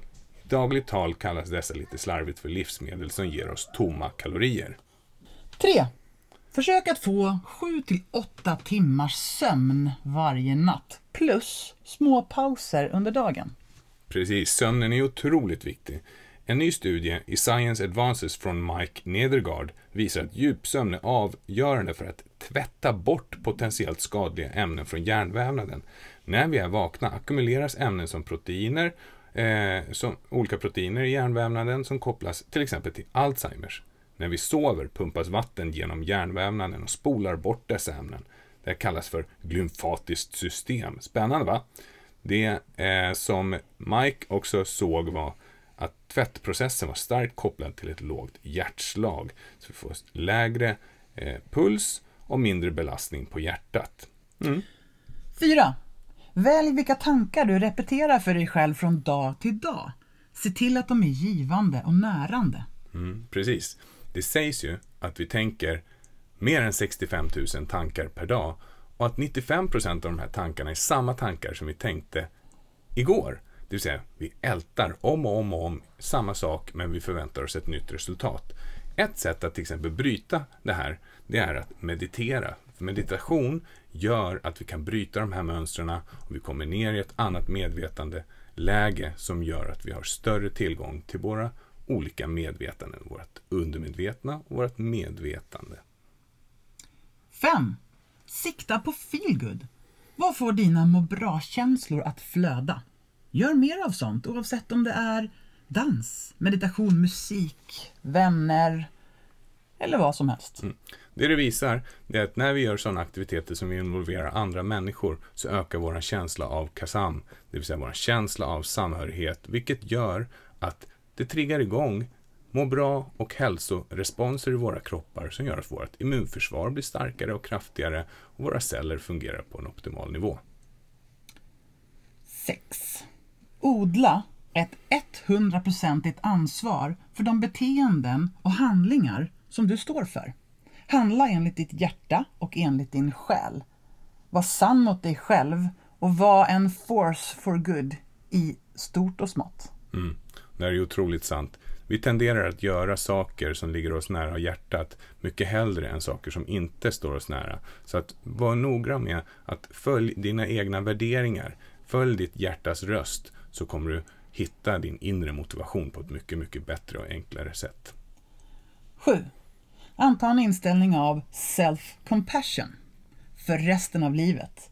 Det vill säga jobba ständigt vidare på ett gott och hälsosamt självledarskap. Självledarskap är ju som sagt grunden till det mesta. Att vara din bästa coach och din eh, egna bästa ledare och din egna bästa personliga tränare är ett givet recept på framgång. 8. Var bjussig i dina nära relationer. Gör för andra det som du skulle vilja att de gör för dig. Kom ihåg det där hundraprocentiga ansvaret för det som är ditt och låt också andra människor ha och få samma ansvar för det som är deras. Ja, det enda du kan kontrollera är ju dig själv. Allt annat kan du bara påverka och det gör du ju genom ditt egna sätt att vara. Så att, att ta ansvar för sitt eget sätt och sitt egna varande är ju ett sätt att kanske då få det som man vill. 9. Var tydlig i din kommunikation. Du kommunicerar med ord, med kroppsspråk, med hållning, miner, tempo, nivå med mera. Precis. Föreställ dig att du möter någon framför dig som plötsligt lutar sig bak i stolen, sträcker armarna ovanför huvudet, knäpper dem bakom nacken, lägger ena benet över det andra och tittar åt andra hållet när ni ska försöka prata. Det blir svårt att kommunicera med den här människan för att kroppsspråket säger någonting helt annat än att personen faktiskt vill lyssna och ta in det som du har att säga.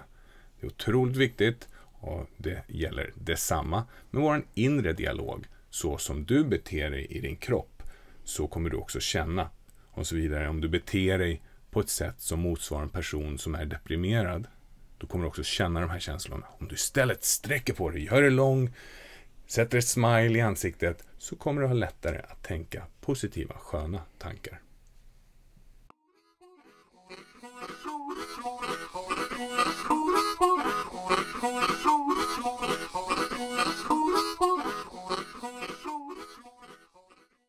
Så det det här leder fram till nu då, Mm. det är ju att hela människan är ett system.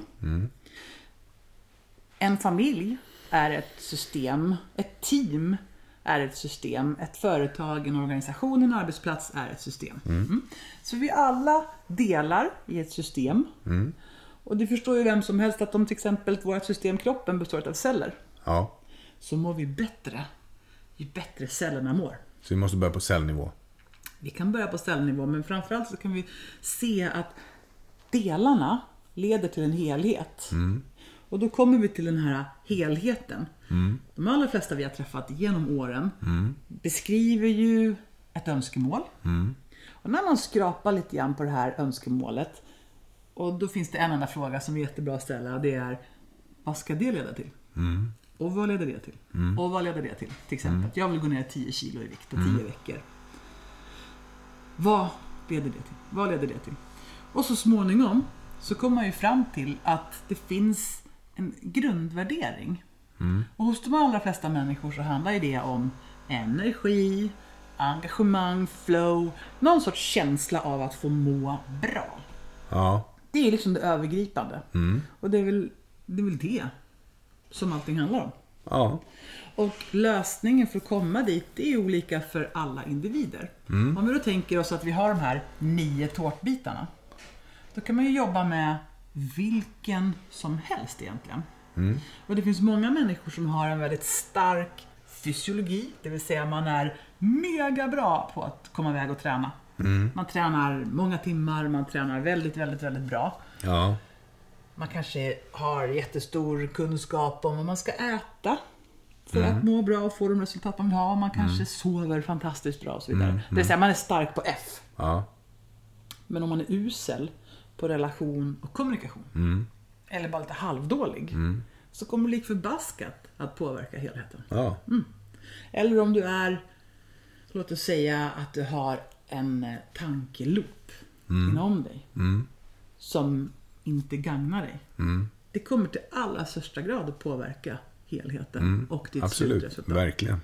Så det som blir lite spännande det är att kanske titta på våra modell. Mm. Jag tycker så här. Ni som lyssnare, skriv ut bilden av modellen. Mm. Och eh, så tar ni fram en penna och det här pappret framför er. Och så skattar ni er själva på varje tårtbit. 0 till 100. Där 0 är fullständigt katastrof. Och längst där- in i cirkeln. och längst in i cirkeln då. Medan 100 är fullständig balans och eh, måluppfyllnad inom just den här kategorin. Bara generellt. Enligt vad du själv tycker. För det är Exakt. så intressant att 100% det betyder inte att det finns något rätt svar.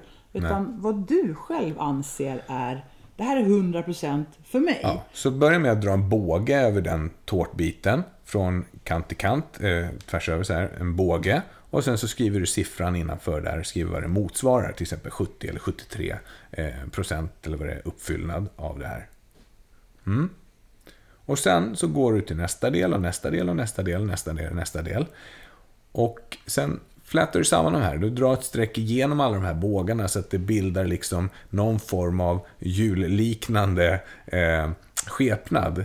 Och så tänker du dig att det här är bakdäcket på din cykel som du är ute och trampar med. Går det friktionsfritt då? Eller är det så att det är punktering någonstans i någon av tårtbitarna? Och vart någonstans är det brister någonstans?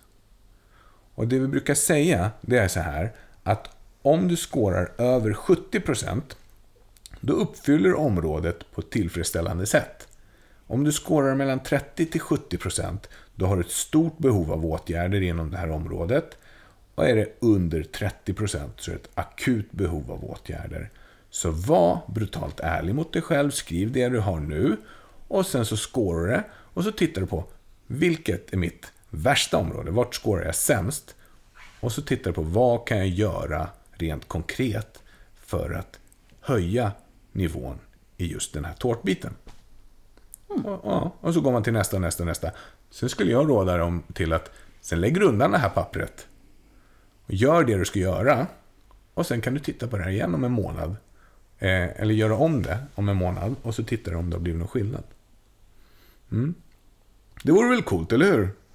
Det här är ju superspännande därför att är man då brutalt ärlig med sig själv då kommer man ju att få fram ett livshjul som eh, dels har tårtbitar som är väldigt välpumpade, kanske närmare 80, 90, 100 procent någonting sånt. Ja.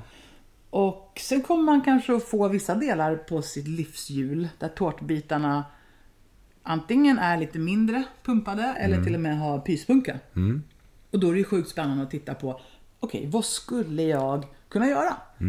Vad skulle jag kunna börja med? Vad skulle jag kunna sluta med? Mm. Vad passar in i mitt liv just nu?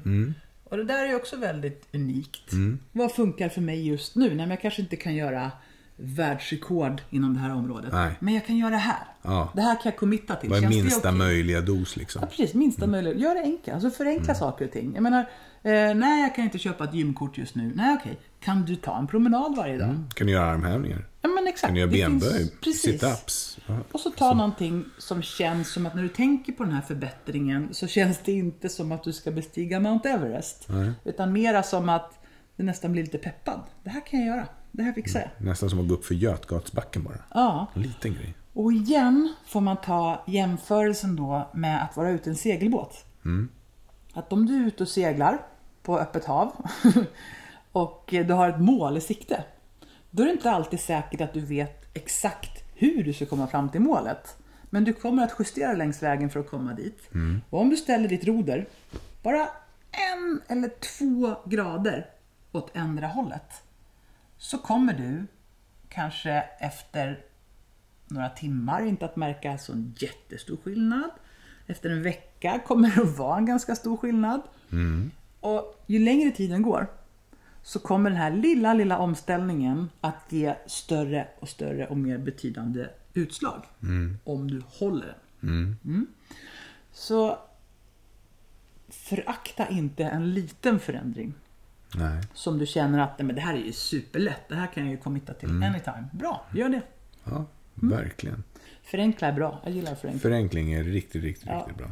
Så eh, då, då, är, då är det så här, då har de ju då gjort det här livshjulet, har ni förhoppningsvis gjort. Och eh, känner att eh, det finns saker att göra. Och det som ofta kan hända också, det är ju så här att man från början kanske skårade. Nej, jag tycker jag äter, jag äter ju bra. Så det ligger, nej, det är nog 90 procent. Och sen börjar man bli mer insatt i ämnet, börjar reflektera mer. Och plötsligt så, nej det är nog inte 90 utan det är snarare 70 eller det är snarare 50. Och det är jättebra. Allting som man märker, all förändring som, som man märker, det är toppen. Det betyder att utveckling är möjlig och på gång. Så att eh, det är dynamiskt. Det är dynamiskt. Det är som eh, gungbrädan, vippbrädan i början. Det vill säga balans kanske inte bara handlar om jämvikt, utan det handlar om att vi kan pendla upp och ner, men att det på det stora hela skapas en jämvikt. Både du och jag vet ju att det är inte en gång som det har hänt att man har träffat på, eh, jag kan ta en handfull av exempel på tjejer, Ja. kvinnor, Ja. som har haft ont i ryggen på ett sätt som, vi naprapater har en snittbehandling på ungefär Tre till fem behandlingar. 3 till 5 behandlingar, någonting sånt, så blir de allra flesta bra. Men när det inte lossnar inom 3 till 5 behandlingar, då kan det fortfarande vara inom normalvidden men det behövs lite mer behandling helt enkelt beroende på hur länge man har haft problemet. Men ibland så lossnar det liksom inte alls. Nej. Utan det är ont i ryggen när man sätter in en behandling och det blir lite bättre så kommer det tillbaks och så hjälper man till med träning och det blir lite bättre men det kommer tillbaks. Och liksom, det ligger kvar. Och det är inte lite ont utan det är mycket ont. Ja. Ja. Lite ogenomträngligt, alltså känslan. Det blir... Ja, det är lite sådär. Och, och man skickar på röntgen och utredning och nej, men det är ingenting då, utan det är allt är okej. Allt ser bra ut. Men lik förbaskat så är lidandet stort och det smärtar och det är besvärande. År senare träffar man på personen som till exempel har skilt sig. Ja. Och för varje år som går, när trasslet inom relationstårtbiten då har lagt sig, så lägger sig också verken i kroppen. Det här är det man kallar för mind-body connection. Och det är sjukt intressant. Så vi, nu ska alla gå och skilja sig. Nej, så menar jag inte. Men, men kanske är det så här att i vissa relationer så jobbar man och jobbar och jobbar och jobbar. Och det är inte alla som passar att hänga ihop Nej, livet ut. men då kan man ju se- ibland så är ju en separation en bra lösning. Ja, och då kan man ju se att då kanske det är så att man, om man då har varit ärlig med sig själv, när man har skårat sig själv i vår modell, så ser man här att viet är väldigt lågt. Det ligger på 10% kanske. Och då är det precis där, då börjar man fundera på, vad skulle jag kunna göra för att höja nivån här? Och då är ju alla lösningar, alla goda råd är dyra. Så att det, det är liksom, det bästa alternativet som man kan hitta, det kanske är det som gör mest ont. på kort sikt, men på lång sikt så blir det bra ändå. Mm, I vissa fall kan det Ja, vara i så, vissa fall kan det vara. Men man tittar på det som är det bästa. Så vad, vad är det vi har sagt? Så det vi har sagt idag är att idag har vi pratat om det holistiska ledarskapet och grundtanken i det här det är att alla delarna räknas och ju bättre vi kan få varje del att må desto bättre resultat får vi i helheten. Det känns ju vettigt, eller hur? Mycket. Yes. Eh, så oavsett om man är en privatperson eller ett team eller ett företag så finns det en poäng i att se över bland annat de här bitarna som vi har i den holistiska modellen. Och om man på något sätt undrar vad som liksom finns övergripande allt det här så är det ju helt enkelt att må så bra som möjligt, att ha så kul som möjligt, att känna flow och glädje i livet och känna att man får göra det där som man vill göra, må bra i det. Verkligen. Det, det är det vi håller på med. Ja. Och som ett delmål då, för att alla våra poddavsnitt är ju liksom en mix av fakta och filosofi. Och när man har lyssnat på en sån här grej så kanske man blir lite pepp och känner fasen det här vill jag göra. Och då kan man faktiskt printa ut modellen, skåra sig själv och sen börja skriva små förslag på vad, vad skulle jag kunna börja med? Vad skulle jag kunna sluta med? Vad är målet? Vad skulle jag kunna åstadkomma? Vad kan jag committa till? Man kanske till och med sätter en tidslimit på. Det här ska jag testa i 45 dagar. Så vad, vad, vad vill vi då att våra lyssnare ska ta med sig härifrån då? Nu då? Ja, vad ska de inte ta med sig? Det var en faslig massa saker vi har pratat om. Ja. Jag hoppas ju som vanligt att de skulle ta med sig en känsla av hopp. Och att eh, någon form av insikt har dykt upp. Att någon form av aha, eller mhm, sån feeling. Och att man sen då tar tillvara på den insikten och låter det gå vidare till handling. Det sista man vill är att folk ska slå på sig själva. För det är så värdelöst. Alltså känslor av att känna sig dålig leder ju aldrig till någonting bra tyvärr. Utan som alltid när vi pratar så hoppas jag att man ska ta fasta på eh, vad, vad är det som är hoppfullt? Vad är det som är bra? Vad är det som kan bli bättre? Det är bra att använda sådana ordalag. Så, så att man då är en schysst självledare. Verkligen. Och peppar sig själv och är sin bästa vän. Och motsatsen skulle vara att man då är dömande och nersättande och sådär. Vi har ju haft våran eh, kursdag, våran grundkursdag i holistiskt ledarskap på Sigtuna höjden eh, några tillfällen. Och jag tänker att lyssnarna ska ha både öron och ögon öppna för kommande kurstillfällen inom holistiskt ledarskap. Där vi går in på djupet på varje del och där man verkligen får jobba med de här delarna. Och är man en organisation som har många anställda så eh, skräddarsyr är givetvis att det passar just dem. Eh, för det kanske täcker upp en hel kurs bara för det företaget. Självklart. Och i, öv- ja. ja, och i övrigt så kommer vi gärna ut och föreläser eh, för er inom de olika områdena eller generellt inom det holistiska ledarskapet. Det finns massor med saker att göra och det är ett viktigt arbete som behöver göras för att det här är någonting som behövs överallt. Mm. Och, eh, så det vore jättekul om man hör av sig och bara frågar kan ni göra någonting för oss? Och då kommer vi svara jajamensan, självklart. Det dök upp en sak i mitt flöde för ett år sedan i januari. Mm. Så hade jag någonting som kallades för Feel Good Weekend. Just Det var en fantastisk upplevelse där vi var på, eh, vad ska man säga, en herrgård är det väl? Nej, men ett slott, va? Slott. Johannesbergs slott. Det hette ju till och med slott. Vi var på Krusenberg. Krusenbergs herrgård. Okej. Vi var på Krusenberg Ja. och eh, det var ett gäng tjejer Ja. som hakade på och vi träffades då en fredag eftermiddag. Hur briljant är inte det? ja, men det är så himla smart. tycker jag. Ja, att man liksom avslutar eh, sin arbetsvecka och så kanske man checkar ut någon timme tidigare. Så att vi sågs där vid halv tre, tre. Och så inledde vi med att vi tränade och sen så hade vi lite spa nere i bastun. Vi hade lite bubbel och lite snacks och så lite bastu.